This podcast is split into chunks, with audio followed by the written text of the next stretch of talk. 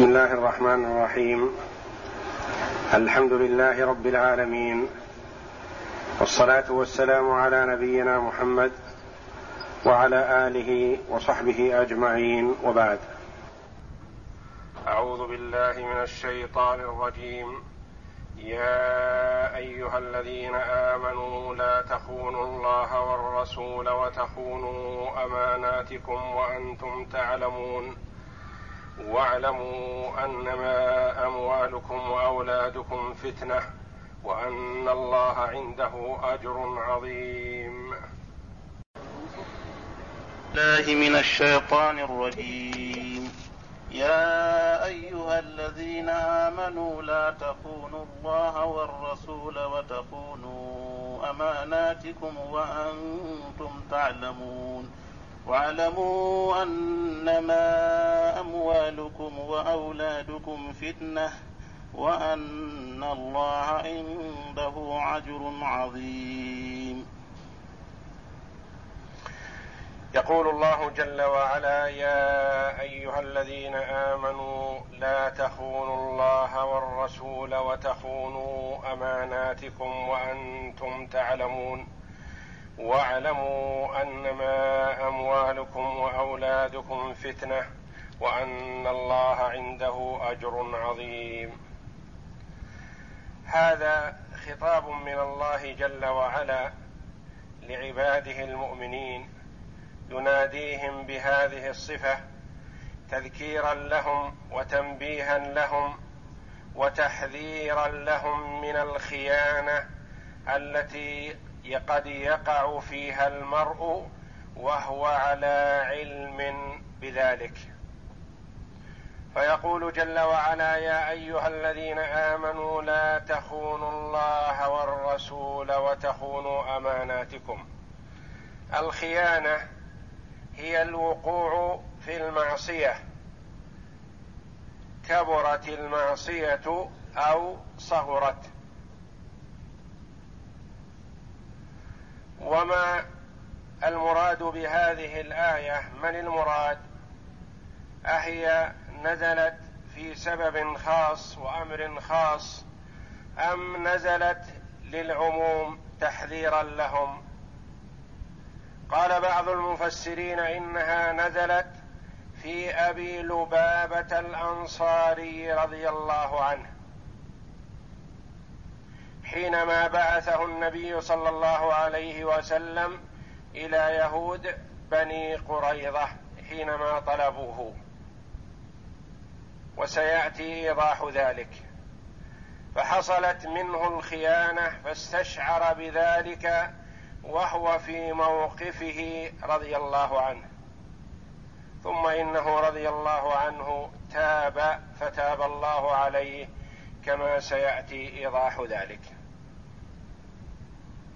وقيل نزلت في حاطب ابن أبي بلتعة الذي ثبت في الصحيحين أنه حينما توجه النبي صلى الله عليه وسلم إلى مكة لفتحها كتب ورقة إلى أهل مكة يخبرهم بمقدم النبي صلى الله عليه وسلم إليهم وقد أوصى النبي صلى الله عليه وسلم بأن يكتم الخبر عن قريش فبعث بورقة إلى قريش مع امرأة. فنزل الوحي من السماء من الله جل وعلا إخبارا للنبي صلى الله عليه وسلم فأرسل عليه الصلاة والسلام علي بن أبي طالب رضي الله عنه ورجلا معه إلى هذه المرأة ليأخذ الورقة منها المبعوثة من حاطب.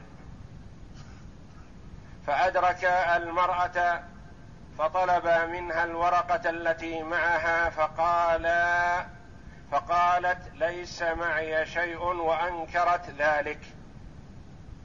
فأكد عليها فأنكرت ذلك.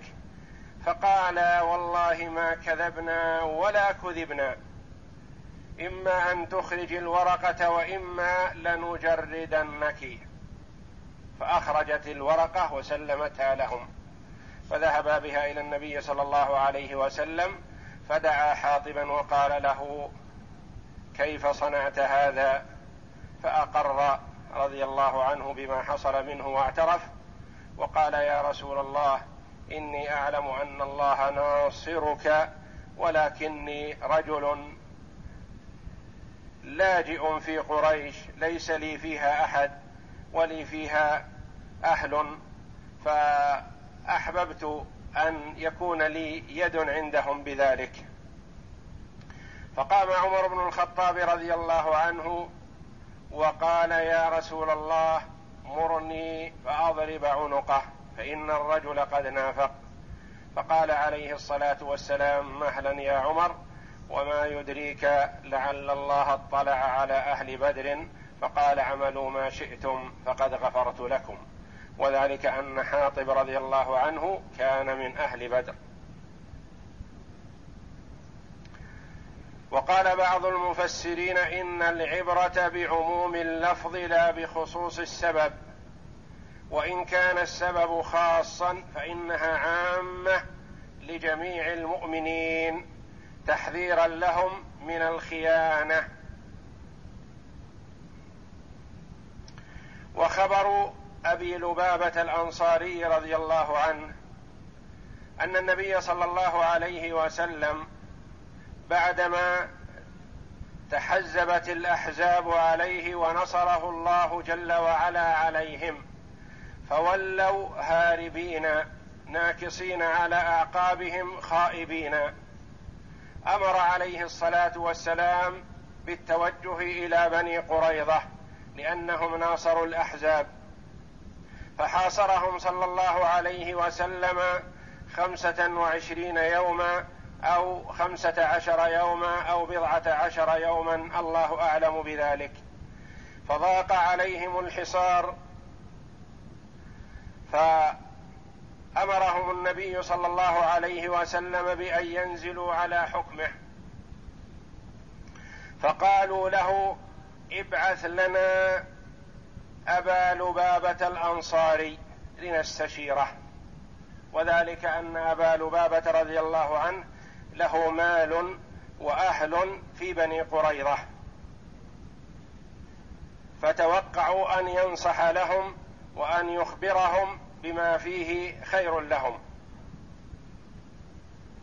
فذهب أبو لبابة رضي الله عنه بأمر النبي صلى الله عليه وسلم إلى بني قريظة. فتلقوه رجالهم ونساؤهم وأطفالهم يطلبون منه النصح لهم. فقالوا له يا أبا لبابة أترى أن ننزل على حكم رسول الله صلى الله عليه وسلم؟ فقال رضي الله عنه نعم. وأشار إلى حلقه بيده. يعني أنكم إذا نزلتم عليه فليس لكم إلا الذبح. يقول رضي الله عنه فوالله ما زالت قدماي من مكانهما. حتى عرفت أني خنت الله ورسوله. بهذه الإشارة. فرجع رضي الله عنه ولم يذهب إلى النبي صلى الله عليه وسلم. وذهب إلى المسجد وربط نفسه بسارية من سوار المسجد. فقال والله لا أذوق طعما ولا شرابا حتى أموت أو يتوب الله علي. فسأل عنه النبي صلى الله عليه وسلم فأخبر خبره فقال أما إنه لو جاءني لاستغفرت له. أما وقد فعل ما فعل فلن أطلقه حتى يأذن الله في ذلك. فبقي رضي الله عنه أياما في هذه السارية مربوطا تأتيه زوجته حين وقت الصلاة فتحله فيصلي ثم يرجع إلى ساريته. وبقي على ذلك تسعة أيام أو سبعة أيام أو أحد عشر يوما لا يذوق شيئا حتى خر مغشيا عليه. وفي سحر ليلة من الليالي أنزل الله جل وعلا توبته على رسوله صلى الله عليه وسلم. فأخبرت أم سلمة أخبرها النبي صلى الله عليه وسلم فقالت يا رسول الله ألا تأذن لي أن أبشره؟ قال بلى. فأذن لها رسول الله صلى الله عليه وسلم فنادته فبشرته بأن الله تاب عليه. فجاء الصحابة رضوان الله عليهم يريدون حل وثاقه. فقال لا والله حتى يحله النبي صلى الله عليه وسلم. فجاء النبي صلى الله عليه وسلم وحل رباطه وقال يا رسول الله إني نذرت لله إن من توبته علي أن أن أتصدق بكل مالي رضي الله عنه. فقال له النبي صلى الله عليه وسلم يكفيك الثلث. وفي هذه القصة من العبر العظيمة أن المرء إذا أدرك أنه قد حصل منه خيانة أو معصية كبيرة أو صغيرة أن عليه أن يبادر بالتوبة ويعزم على ذلك.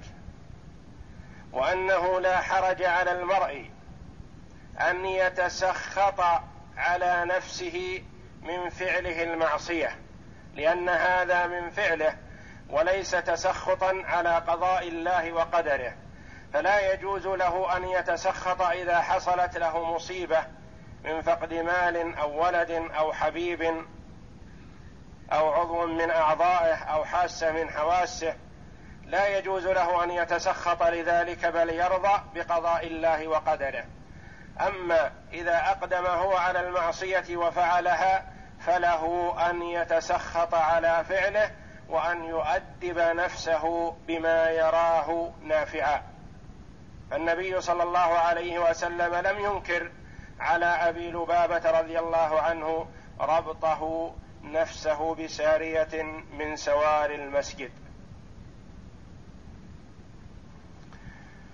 وفيها أنه ينبغي للمرء إذا حصل منه سيئة كبيرة أو صغيرة أن يبادر بمحوها ما استطاع بالصدقة. فهذا أبو لبابة رضي الله عنه نذر أنه إذا تاب الله عليه أن ينخلع من ماله كله لأن ماله بسبب محافظته عليه جره إلى قول ما قال لليهود. فقد تصدق رضي الله عنه بكل ماله فأمره النبي صلى الله عليه وسلم أن يتصدق بالثلث ويمسك البقية.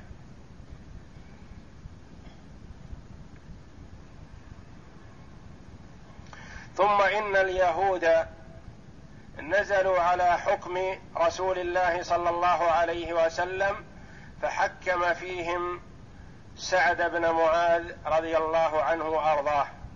وكان من الناس الموالين لليهود ومن أحلافهم في الجاهلية وبينه وبينهم صلة. وكان رضي الله عنه مريضا بسبب جرح أصابه في الموقعة فكان في المسجد في خيمة فيها فأحضر بين يدي النبي صلى الله عليه وسلم وبين كبراء اليهود لأجل أن يحكم فيهم. فالتفت إلى اليهود فقال أحكمي فيكم نافل؟ قالوا نعم. والتفت إلى الناحية التي فيها النبي صلى الله عليه وسلم واستحيا أن يقابله وقال أحكمي نافذ قالوا نعم. فقال أحكم فيهم أن تقتل المقاتلة وتسبى الذرية والنساء. هكذا حكم رضي الله عنه حكما قويا قاطعا لم تأخذه في الله لومة لائم. فسر النبي صلى الله عليه وسلم بما حكم به سعد وقال لقد حكمت فيهم بحكم الله من فوق سبعة أرقعة يعني فوق سبع سماوات. فأمر صلى الله عليه وسلم بأن تقتل المقاتلة يعني من حمل السلاح يقتل لأنهم خانوا الله ورسوله وحاربوا المؤمنين ونقضوا العهد. وقد كان بينهم وبين النبي صلى الله عليه وسلم عهد على أن لا يعاونوا من جاء من خارج المدينة. وقد عاونوا الأحزاب على النبي صلى الله عليه وسلم والصحابة رضوان الله عليهم. فقتلت المقاتلة الرجال المقاتلون قتلوا من بني قريظة والنساء والصبيان صاروا غنيمة للمسلمين. فكانوا يميزون بين المقاتل والصبي بأن يكشفوا عن مآزرهم. فمن وجد أنبت حول قبله شعرا خشنا فهو قد بلغ ويكون من المقاتلة فيقتل. ومن لم ينبت يكون كان من الذرية فيستبقى ولا يم ولا يقتل. لأن إنبات الشعر الخشن حول القبل من علامات البلوغ ولأن اليهود لا يقبل قولهم في أعمار أبنائهم فيسألون مثلا من بلغ خمس عشرة سنة حكم بأنه من المقاتلة ومن لم يبلغ حكم بأنه من الذرية لأنهم قوم سوء وأهل كذب فلا يقبل قولهم في ذلك. وقد كان زعيمهم قبل أن ينزلوا على حكم سعد بن معاذ رضي الله عنه قال لهم رئيسهم كعب يا قوم لقد رأيتم ما بلغ بنا من سوء الحال يعني محاصرة النبي صلى الله عليه وسلم إياهم فأنا ذاكر لكم ثلاث خلال. ثلاث خصال اختاروا واحدة منهم منها. فقالوا له قل ما عندك. قال نتبع هذا الرجل ونصدقه. فقد علمنا أنه نبي. ونسلم في أنفسنا وأموالنا وذرارينا ونسائنا. فقالوا له لا نقبل منك ذلك. لا يمكن أن نصدقه بعدما كذبناه لأنهم قوم سوء فقال إذن الأمر الثاني نقتل أولادنا ونساءنا ثم نخرج يخرج الرجال مصلة السيوف ونقابلهم حتى يحكم الله بيننا وبينهم. وقصده من ذلك الا يكون لهم ما يشغلهم أو يشغل بالهم من نساء وأطفال. قالوا له لا خير في العيش لنا بعد قتلنا نسائنا وأبنائنا. قال الأمر الثالث إذن قالوا ما هو؟ قال إن الليلة ليلة سبت. ومحمد وأصحابه يعرفون تعظيمنا لليلة السبت ويومها. فهلم ننطلق إليهم في هذه الليلة لعلنا نصيب منهم غرة لأنهم قد يأمنون منا تلك الليلة فلا يكونوا على استعداد. فلعلنا نصيب غرة منهم. قال قالوا له لا يجوز لنا أن ندنس سبتنا وقد علمت ما أحل الله بمن خان في السبت. فلا نقبل منك ذلك. قال إذن تنزلوا على حكمه بما أراد منكم. فنزلوا على حكم رسول الله صلى الله عليه وسلم وحصل ما حصل المبين الآن. فأنزل الله جل وعلا تحذيرا لعباده المؤمنين من من الخيانة. يا أيها الذين آمنوا لا تخونوا الله والرسول وتخونوا أماناتكم وأنتم تعلمون.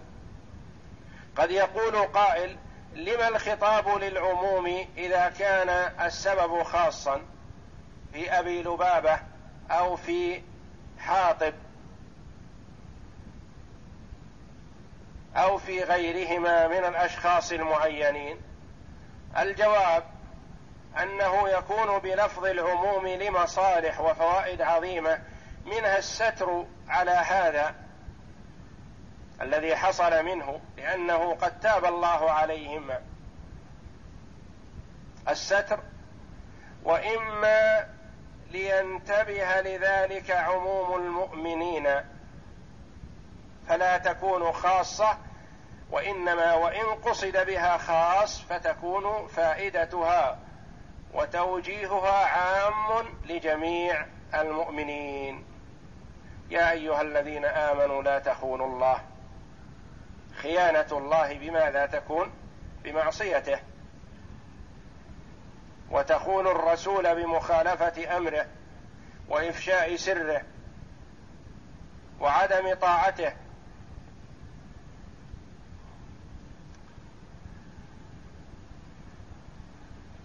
وتخونوا أماناتكم وأنتم تعلمون. أنتم إذا خنتم الله ورسوله فأنتم خنتم أنفسكم خنتم الأمانة التي ائتمنكم الله عليها. والأمانة هي ما كلف الله جل وعلا به عباده المؤمنين من جميع الأمانات سواء كانت خاصة في الأمر الذي نزلت فيه الآية أو في غير ذلك من الأمور فإنها أمانة ائتمن الله جل وعلا عليها عباده. وجميع التكاليف أمانة وأخصها ما لا يطلع عليه الخلق ما يكون سر بين العبد وبين ربه. فإنه أمانة ائتمن الله جل وعلا على ذلك عباده. فالصيام أمانة لأن المرء قد يأكل بالخفاء ويظهر للناس أنه صائم فهو أمانة بين العبد وبين ربه ائتمن الله جل وعلا عبده عليه. والوضوء أمانة والغسل من الجنابة أمانة وزكاة المال واستيفاؤها كاملة أمانة. وتأدية ما افترض الله على عباده مما لا يطلع عليه الناس أو يمكن إخفاؤه أمانة. فالمرء إذا عصى الله جل وعلا فيما ائتمنه عليه فقد خانه فيه. والحقيقة أنه ضر نفسه. وإلا فإن العبد لا يضر الله شيئا. والله جل وعلا غني عن طاعة عباده وإنما طاعة العبد لنفسه ومعصيته عليه. كما ورد في الحديث القدسي يا عبادي لو أن أولكم وآخركم وجنكم وانسكم لو أن أولكم وآخركم وإنسكم وجنكم كانوا على أتقى قلب رجل واحد ما زاد ذلك في ملكي شيئا. ولو أن أولكم وآخركم كانوا على أفجر قلب رجل واحد منكم ما نقص ذلك في ملكي شيئا. يا عبادي إنما هي أعمالكم أحصيها لكم ثم أوفيكم إياها. فمن وجد خيرا فليحمد الله ومن وجد خيرا ومن وجد غير ذلك فلا يلومن إلا نفسه لأنه خان نفسه وضر نفسه وأهلكها. والله جل, وعلا غني عن عباده فلا تنفعه طاعتهم ولا تضره معصيتهم. لا تخونوا الله والرسول وتخونوا أماناتكم وأنتم تعلمون. الواو هذه يسميها النحاة أهل اللغة واو الحال. وما بعدها حال والحال أنكم تعلمون أنها خيانة. وذلك أن جرم من يعمل السيئة وهو يعلم أنها سيئة أعظم ممن يعملها وهو لا يشعر أو لا يعرف. وليس من يقدم على المعصية وهو يعلمها كمن يقدم عليها وهو يجهل ذلك. واعلموا أنما أموالكم وأولادكم فتنة. في هذا تنبيه من الله جل وعلا لعباده. أن المرء قد يحمله على المعصية أو الخيانة حب المال أو حب الولد والحرص على ذلك. فأخبر جل وعلا أن المال والولد فتنة ابتلاء وامتحان للعبد. ليست بخير على كل حال وليست بشر على كل حال بل هي موطن امتحان للعبد. قد ينجح العبد في هذا الامتحان والاختبار فيحوز على الدرجات العلى بسبب المال والولد. وقد يخفق المرء في هذا الامتحان فيخسر دنياه وآخرته بسبب المال والولد. واعلموا أنما أموالكم وأولادكم فتنة. يعطي الله جل وعلا العبد المال. فإذا اشتغل في كسبه من حله وأنفقه في وجهه واستعان به على طاعة ربه فوصل به رحمه. وتصدق به على المحتاجين أو تصدق منه وأنفقه في سبيل الله وفي مرضاته واستعان به على كل ما يقربه إلى ربه فاز وسعد بهذا المال في الدنيا والآخرة. استفاد منه في دنياه واستفاد منه في آخرته. وصار هذا المال نعمة عليه عظمى. وجنى ثماره في الدنيا والآخرة.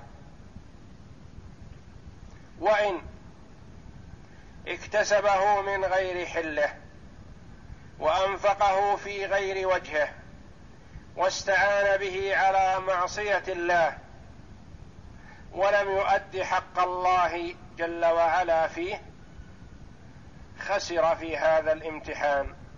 خسر الدنيا والآخرة. خسر ماله في دنياه بأنه لم يستفد منه خيرا.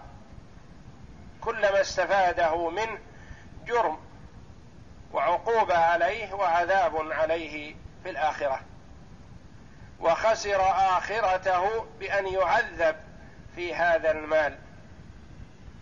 يعذب في كسبه من غير حله ويعذب في انفاقه في غير وجهه وفي بخله به عن أداء حق الله جل وعلا فيه.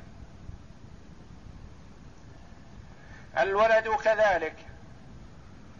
قد يرزق الله جل وعلا عبده الأولاد فإن اجتهد في تربيتهم وتعليمهم وأطعمهم الحلال ووجههم إلى طاعة الله جل وعلا ورغبهم في الأعمال الصالحة ونشأهم على محبة الله ومحبة رسوله ومحبة المؤمنين واجتهد في ذلك صار الأولاد له قرة عين في الدنيا والآخرة نفعوه في دنياه ونفعوه في آخرته. إذا مات ابن آدم انقطع عمله إلا من ثلاث صدقة جارية أو علم ينتفع به أو ولد صالح يدعو له. فإذا خلف الوالد والدا كان أو والدة أولادا صالحين نفعوه بعد موته. يدعون له ويتصدقون عنه. وينفعونه حيا وميتا. لأنه اجتهد في تعليمهم وتوجيههم ونشأهم على الفضيلة واستعان بالتضرع إلى الله جل وعلا في صلاحهم واستقامتهم. أنه لا بد للعبد أن يلجأ إلى الله جل وعلا في جميع أحواله وفي جميع تصرفاته ولا يتكل على عمله أو تصرفه أو اجتهاده وإنما الاجتهاد يبذله ويسأل الله جل وعلا التوفيق وأن ينفع بهذا العمل.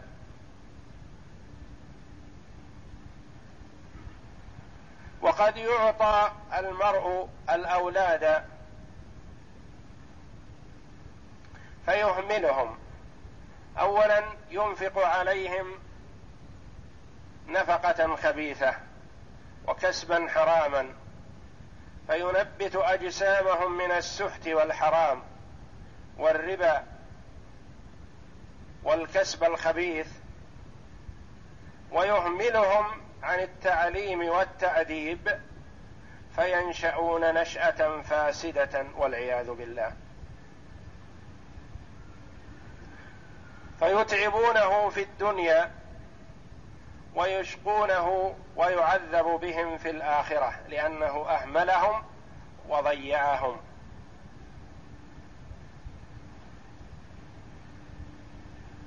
يعذب بهم في الآخرة لأنه لم يقم بما أوجب الله عليه نحوهم. وقد أمره الله جل وعلا بقوله يا أيها الذين آمنوا قوا أنفسكم وأهليكم نارا وقودها الناس والحجارة. فهو لم يق أولاده النار فأوبق نفسه معهم في ذلك. ويقول عليه الصلاة والسلام كلكم راع ومسؤول عن رعيته. فالإمام راع ومسؤول عن رعيته والرجل في أهل بيته راع ومسؤول عن رعيته مسؤول عنهم. فإذا لم يقم بما أوجب الله عليه نحوهم عذب بهم وشقي بهم في الدنيا والآخرة فصار أولاده وبالا عليه. وعقوبة وعذاب في الدنيا والآخرة. شقى في الدنيا ونار جهنم في الآخرة والعياذ بالله. إذا لم يقم بما أوجب الله عليه نحوهم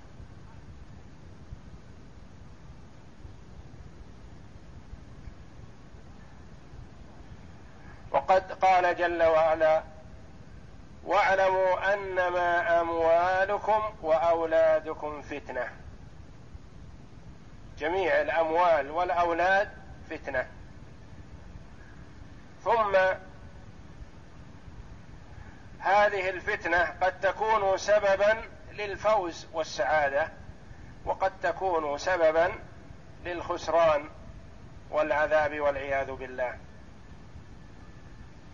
وقال جل وعلا في الآية الأخرى يا أيها الذين آمنوا إن من أزواجكم وأولادكم عدوا لكم فاحذروهم منهم وليس كلهم. فالعداوة من بعضهم. وأما الافتتان ففي الجميع فيها فتنة وامتحان. واعلموا أنما أموالكم وأولادكم فتنة. وأن الله عنده أجر عظيم. لا يكن همك واشتغالك وحرصك واجتهادك في المال والولد فتضيع الفرصة والاستعداد للقاء الله جل وعلا بالعمل الصالح الذي ينفعك. واعلموا أن الله عنده أجر عظيم. لا تنشغلوا بهذه الفتنة وتصرفوا لها جل اهتمامكم وتقعوا في الخيانة والمعصية بسببها. فما وقع أبو لبابة رضي الله عنه في خيانته هذه إلا بسبب ماله وولده في بني قريظة.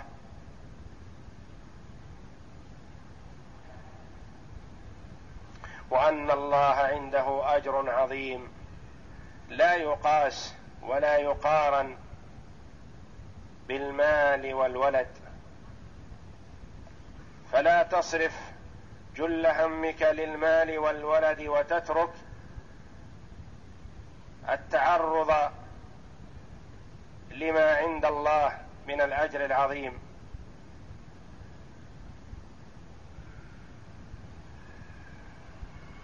وأن الله عنده أجر عظيم. فهو يعطي جل وعلا على العمل اليسير ثوابا جزيلا. إذا علم من عبده الإخلاص والرغبة فيما عنده. وإذا اجتهد العبد في طاعة الله جل وعلا حصل على الدنيا والآخرة.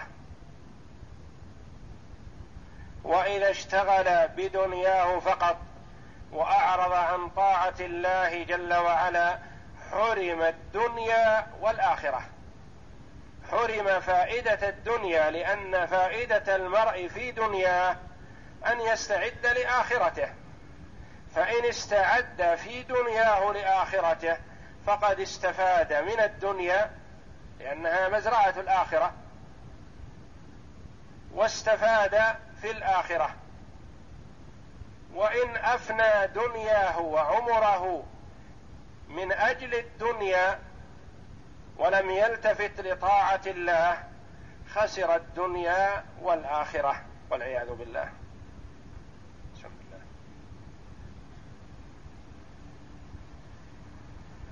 الشيطان الرجيم.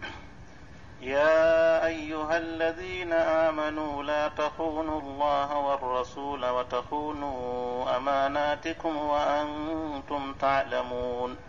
واعلموا أنما أموالكم وأولادكم فتنة وأن الله عنده أجر عظيم. قال الإمام ابن كثير رحمه الله قال عبد الرزاق ابن أبي قتادة والزهري أنزلت في أبي لبابة ابن عبد المنذر حين بعثه رسول الله صلى الله عليه وسلم إلى بني قريظة لينزلوا على حكم رسول الله صلى الله عليه وسلم فاستشاروه في ذلك فأشار عليهم بذلك وأشار بيده إلى حلقه أي إنه الذبح.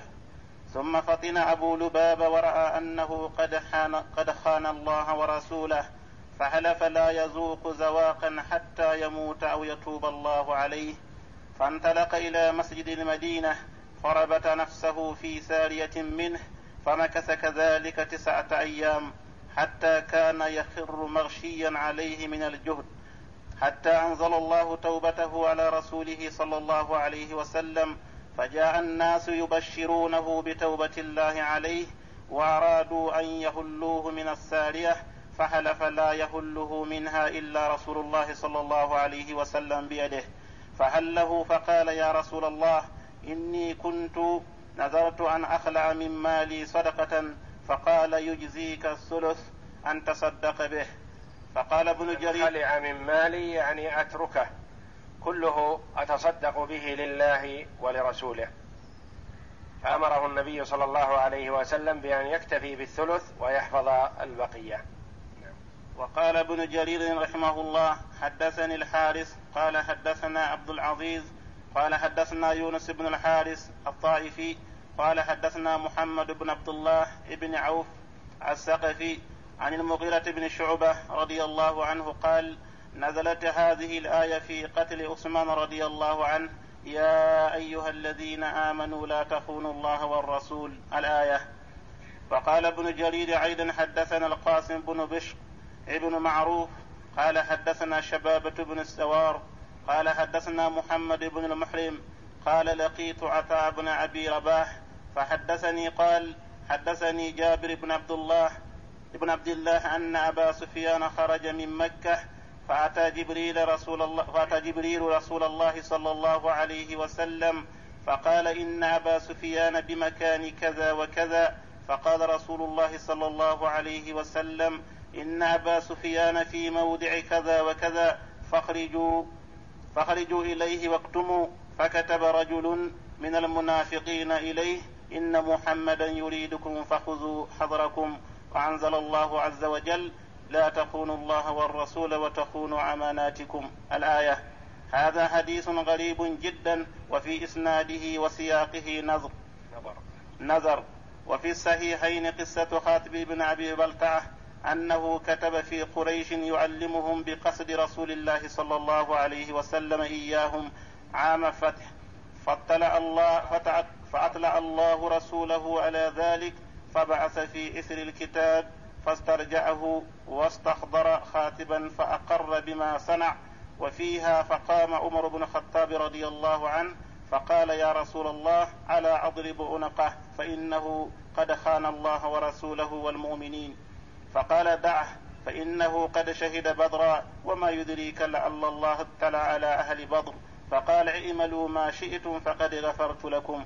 قلت والصحيح أن الآية عامة وإن صح أنها وردت في سبب خاصة فالأخذ بعموم اللفظ لا بخصوص السبب عند الجماهير من العلماء. والخيانة تعم الذنوب الصغار تعم الذنوب الصغار والكبار اللازمة والمعتدية.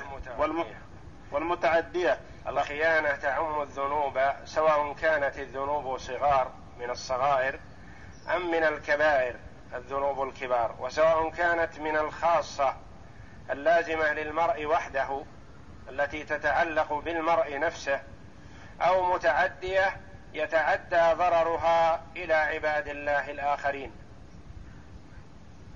والخيانة تعم الذنوب الصغار والكبار اللازمة والمتعدية. فقال علي بن أبي طلحة عن ابن عباس وتخونوا أماناتكم الأمان الأعمال التي ائتمن الله عليها العباد يعني الفريضة. يقول لا تخونوا لا تنقضوها. وقال في رواية لا تخونوا الله والرسول. وقال علي بن أبي طلحة رحمه الله عن ابن عباس رضي الله عنهما وتخونوا أماناتكم الأمانة الأعمال التي تمن الله عليها العباد يعني الفريضة. يقول لا تخونوا أي لا تنقضوها. وقال في رواية لا تخونوا الله والرسول. يقول بترك سنته وارتكاب معصيته. وقال محمد بن إسحاق حدثني محمد بن جعفر بن الزبير عن عروه بن الزبير في هذه الآية أي لا تظهروا له من الحق. ما ما يرضى به منكم ثم تخالفوه في السر إلى غيره فإن ذلك هلاك لأماناتكم وخيانة لأنفسكم. وقال السدي إذا خانوا الله والرسول فقد خانوا أماناتهم. وقال أيضا كانوا يسمعون من النبي صلى الله عليه وسلم الحديث فيفشونه حتى يبلغ المشركين. وقال عبد الرحمن بن زيد بن زيد نهاكم أن تخونوا الله والرسول كما صنع المنافقون. وقوله واعلموا أنما اموالكم, أموالكم وأولادكم فتنة أي اختبار وامتحان منه.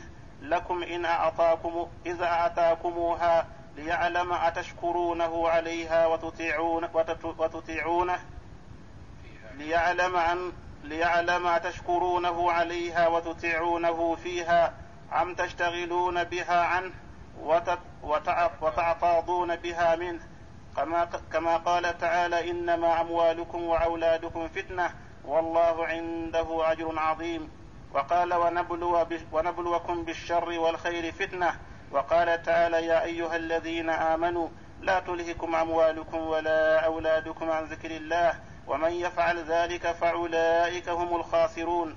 وقال يا أيها الذين آمنوا إن من أزواجكم وأولادكم عدوا لكم فاحذروهم. الآية وقوله وأن الله عنده أجر عظيم أي ثوابه وعطاؤه وجناته خير لكم من الأموال والأولاد فإنه قد يوجد منهم عدو وأكثرهم لا يغني عنك شيئا. والله سبحانه هو المتصرف المالك للدنيا والآخرة ولديه الصواب الجزيل يوم الجزيل يوم القيامة وفي العصر يقول الله تعالى يا ابن آدم اطلبني تجدني فإن وجدتني وجدت كل شيء. وإن فتك فاتك وإن فتك وإن فتك فاتك كل شيء. وأنا أحب إليك من كل شيء. وفي الصحيح عن رسول الله صلى الله عليه وسلم أنه قال ثلاث من كن فيه وجد حلاوة الإيمان. من كان الله ورسوله أحب إليه مما سواهما. ومن كان يحب المرء لا يحبه إلا لله ومن كان ي... ومن كان أن يلقى في النار أحب إليه من أن يرجع إلى الكفر بعد إذا أنقذه الله منه. بل حب رسول الله صلى الله عليه وسلم مقدم على الأولاد والأموال والنفوس كما ثبت في الصحيح أنه صلى الله عليه وسلم قال والذي نفسي بيده لا يؤمن أحدكم حتى أكون أحب إليه من نفسه وأهله وماله والناس أجمعين.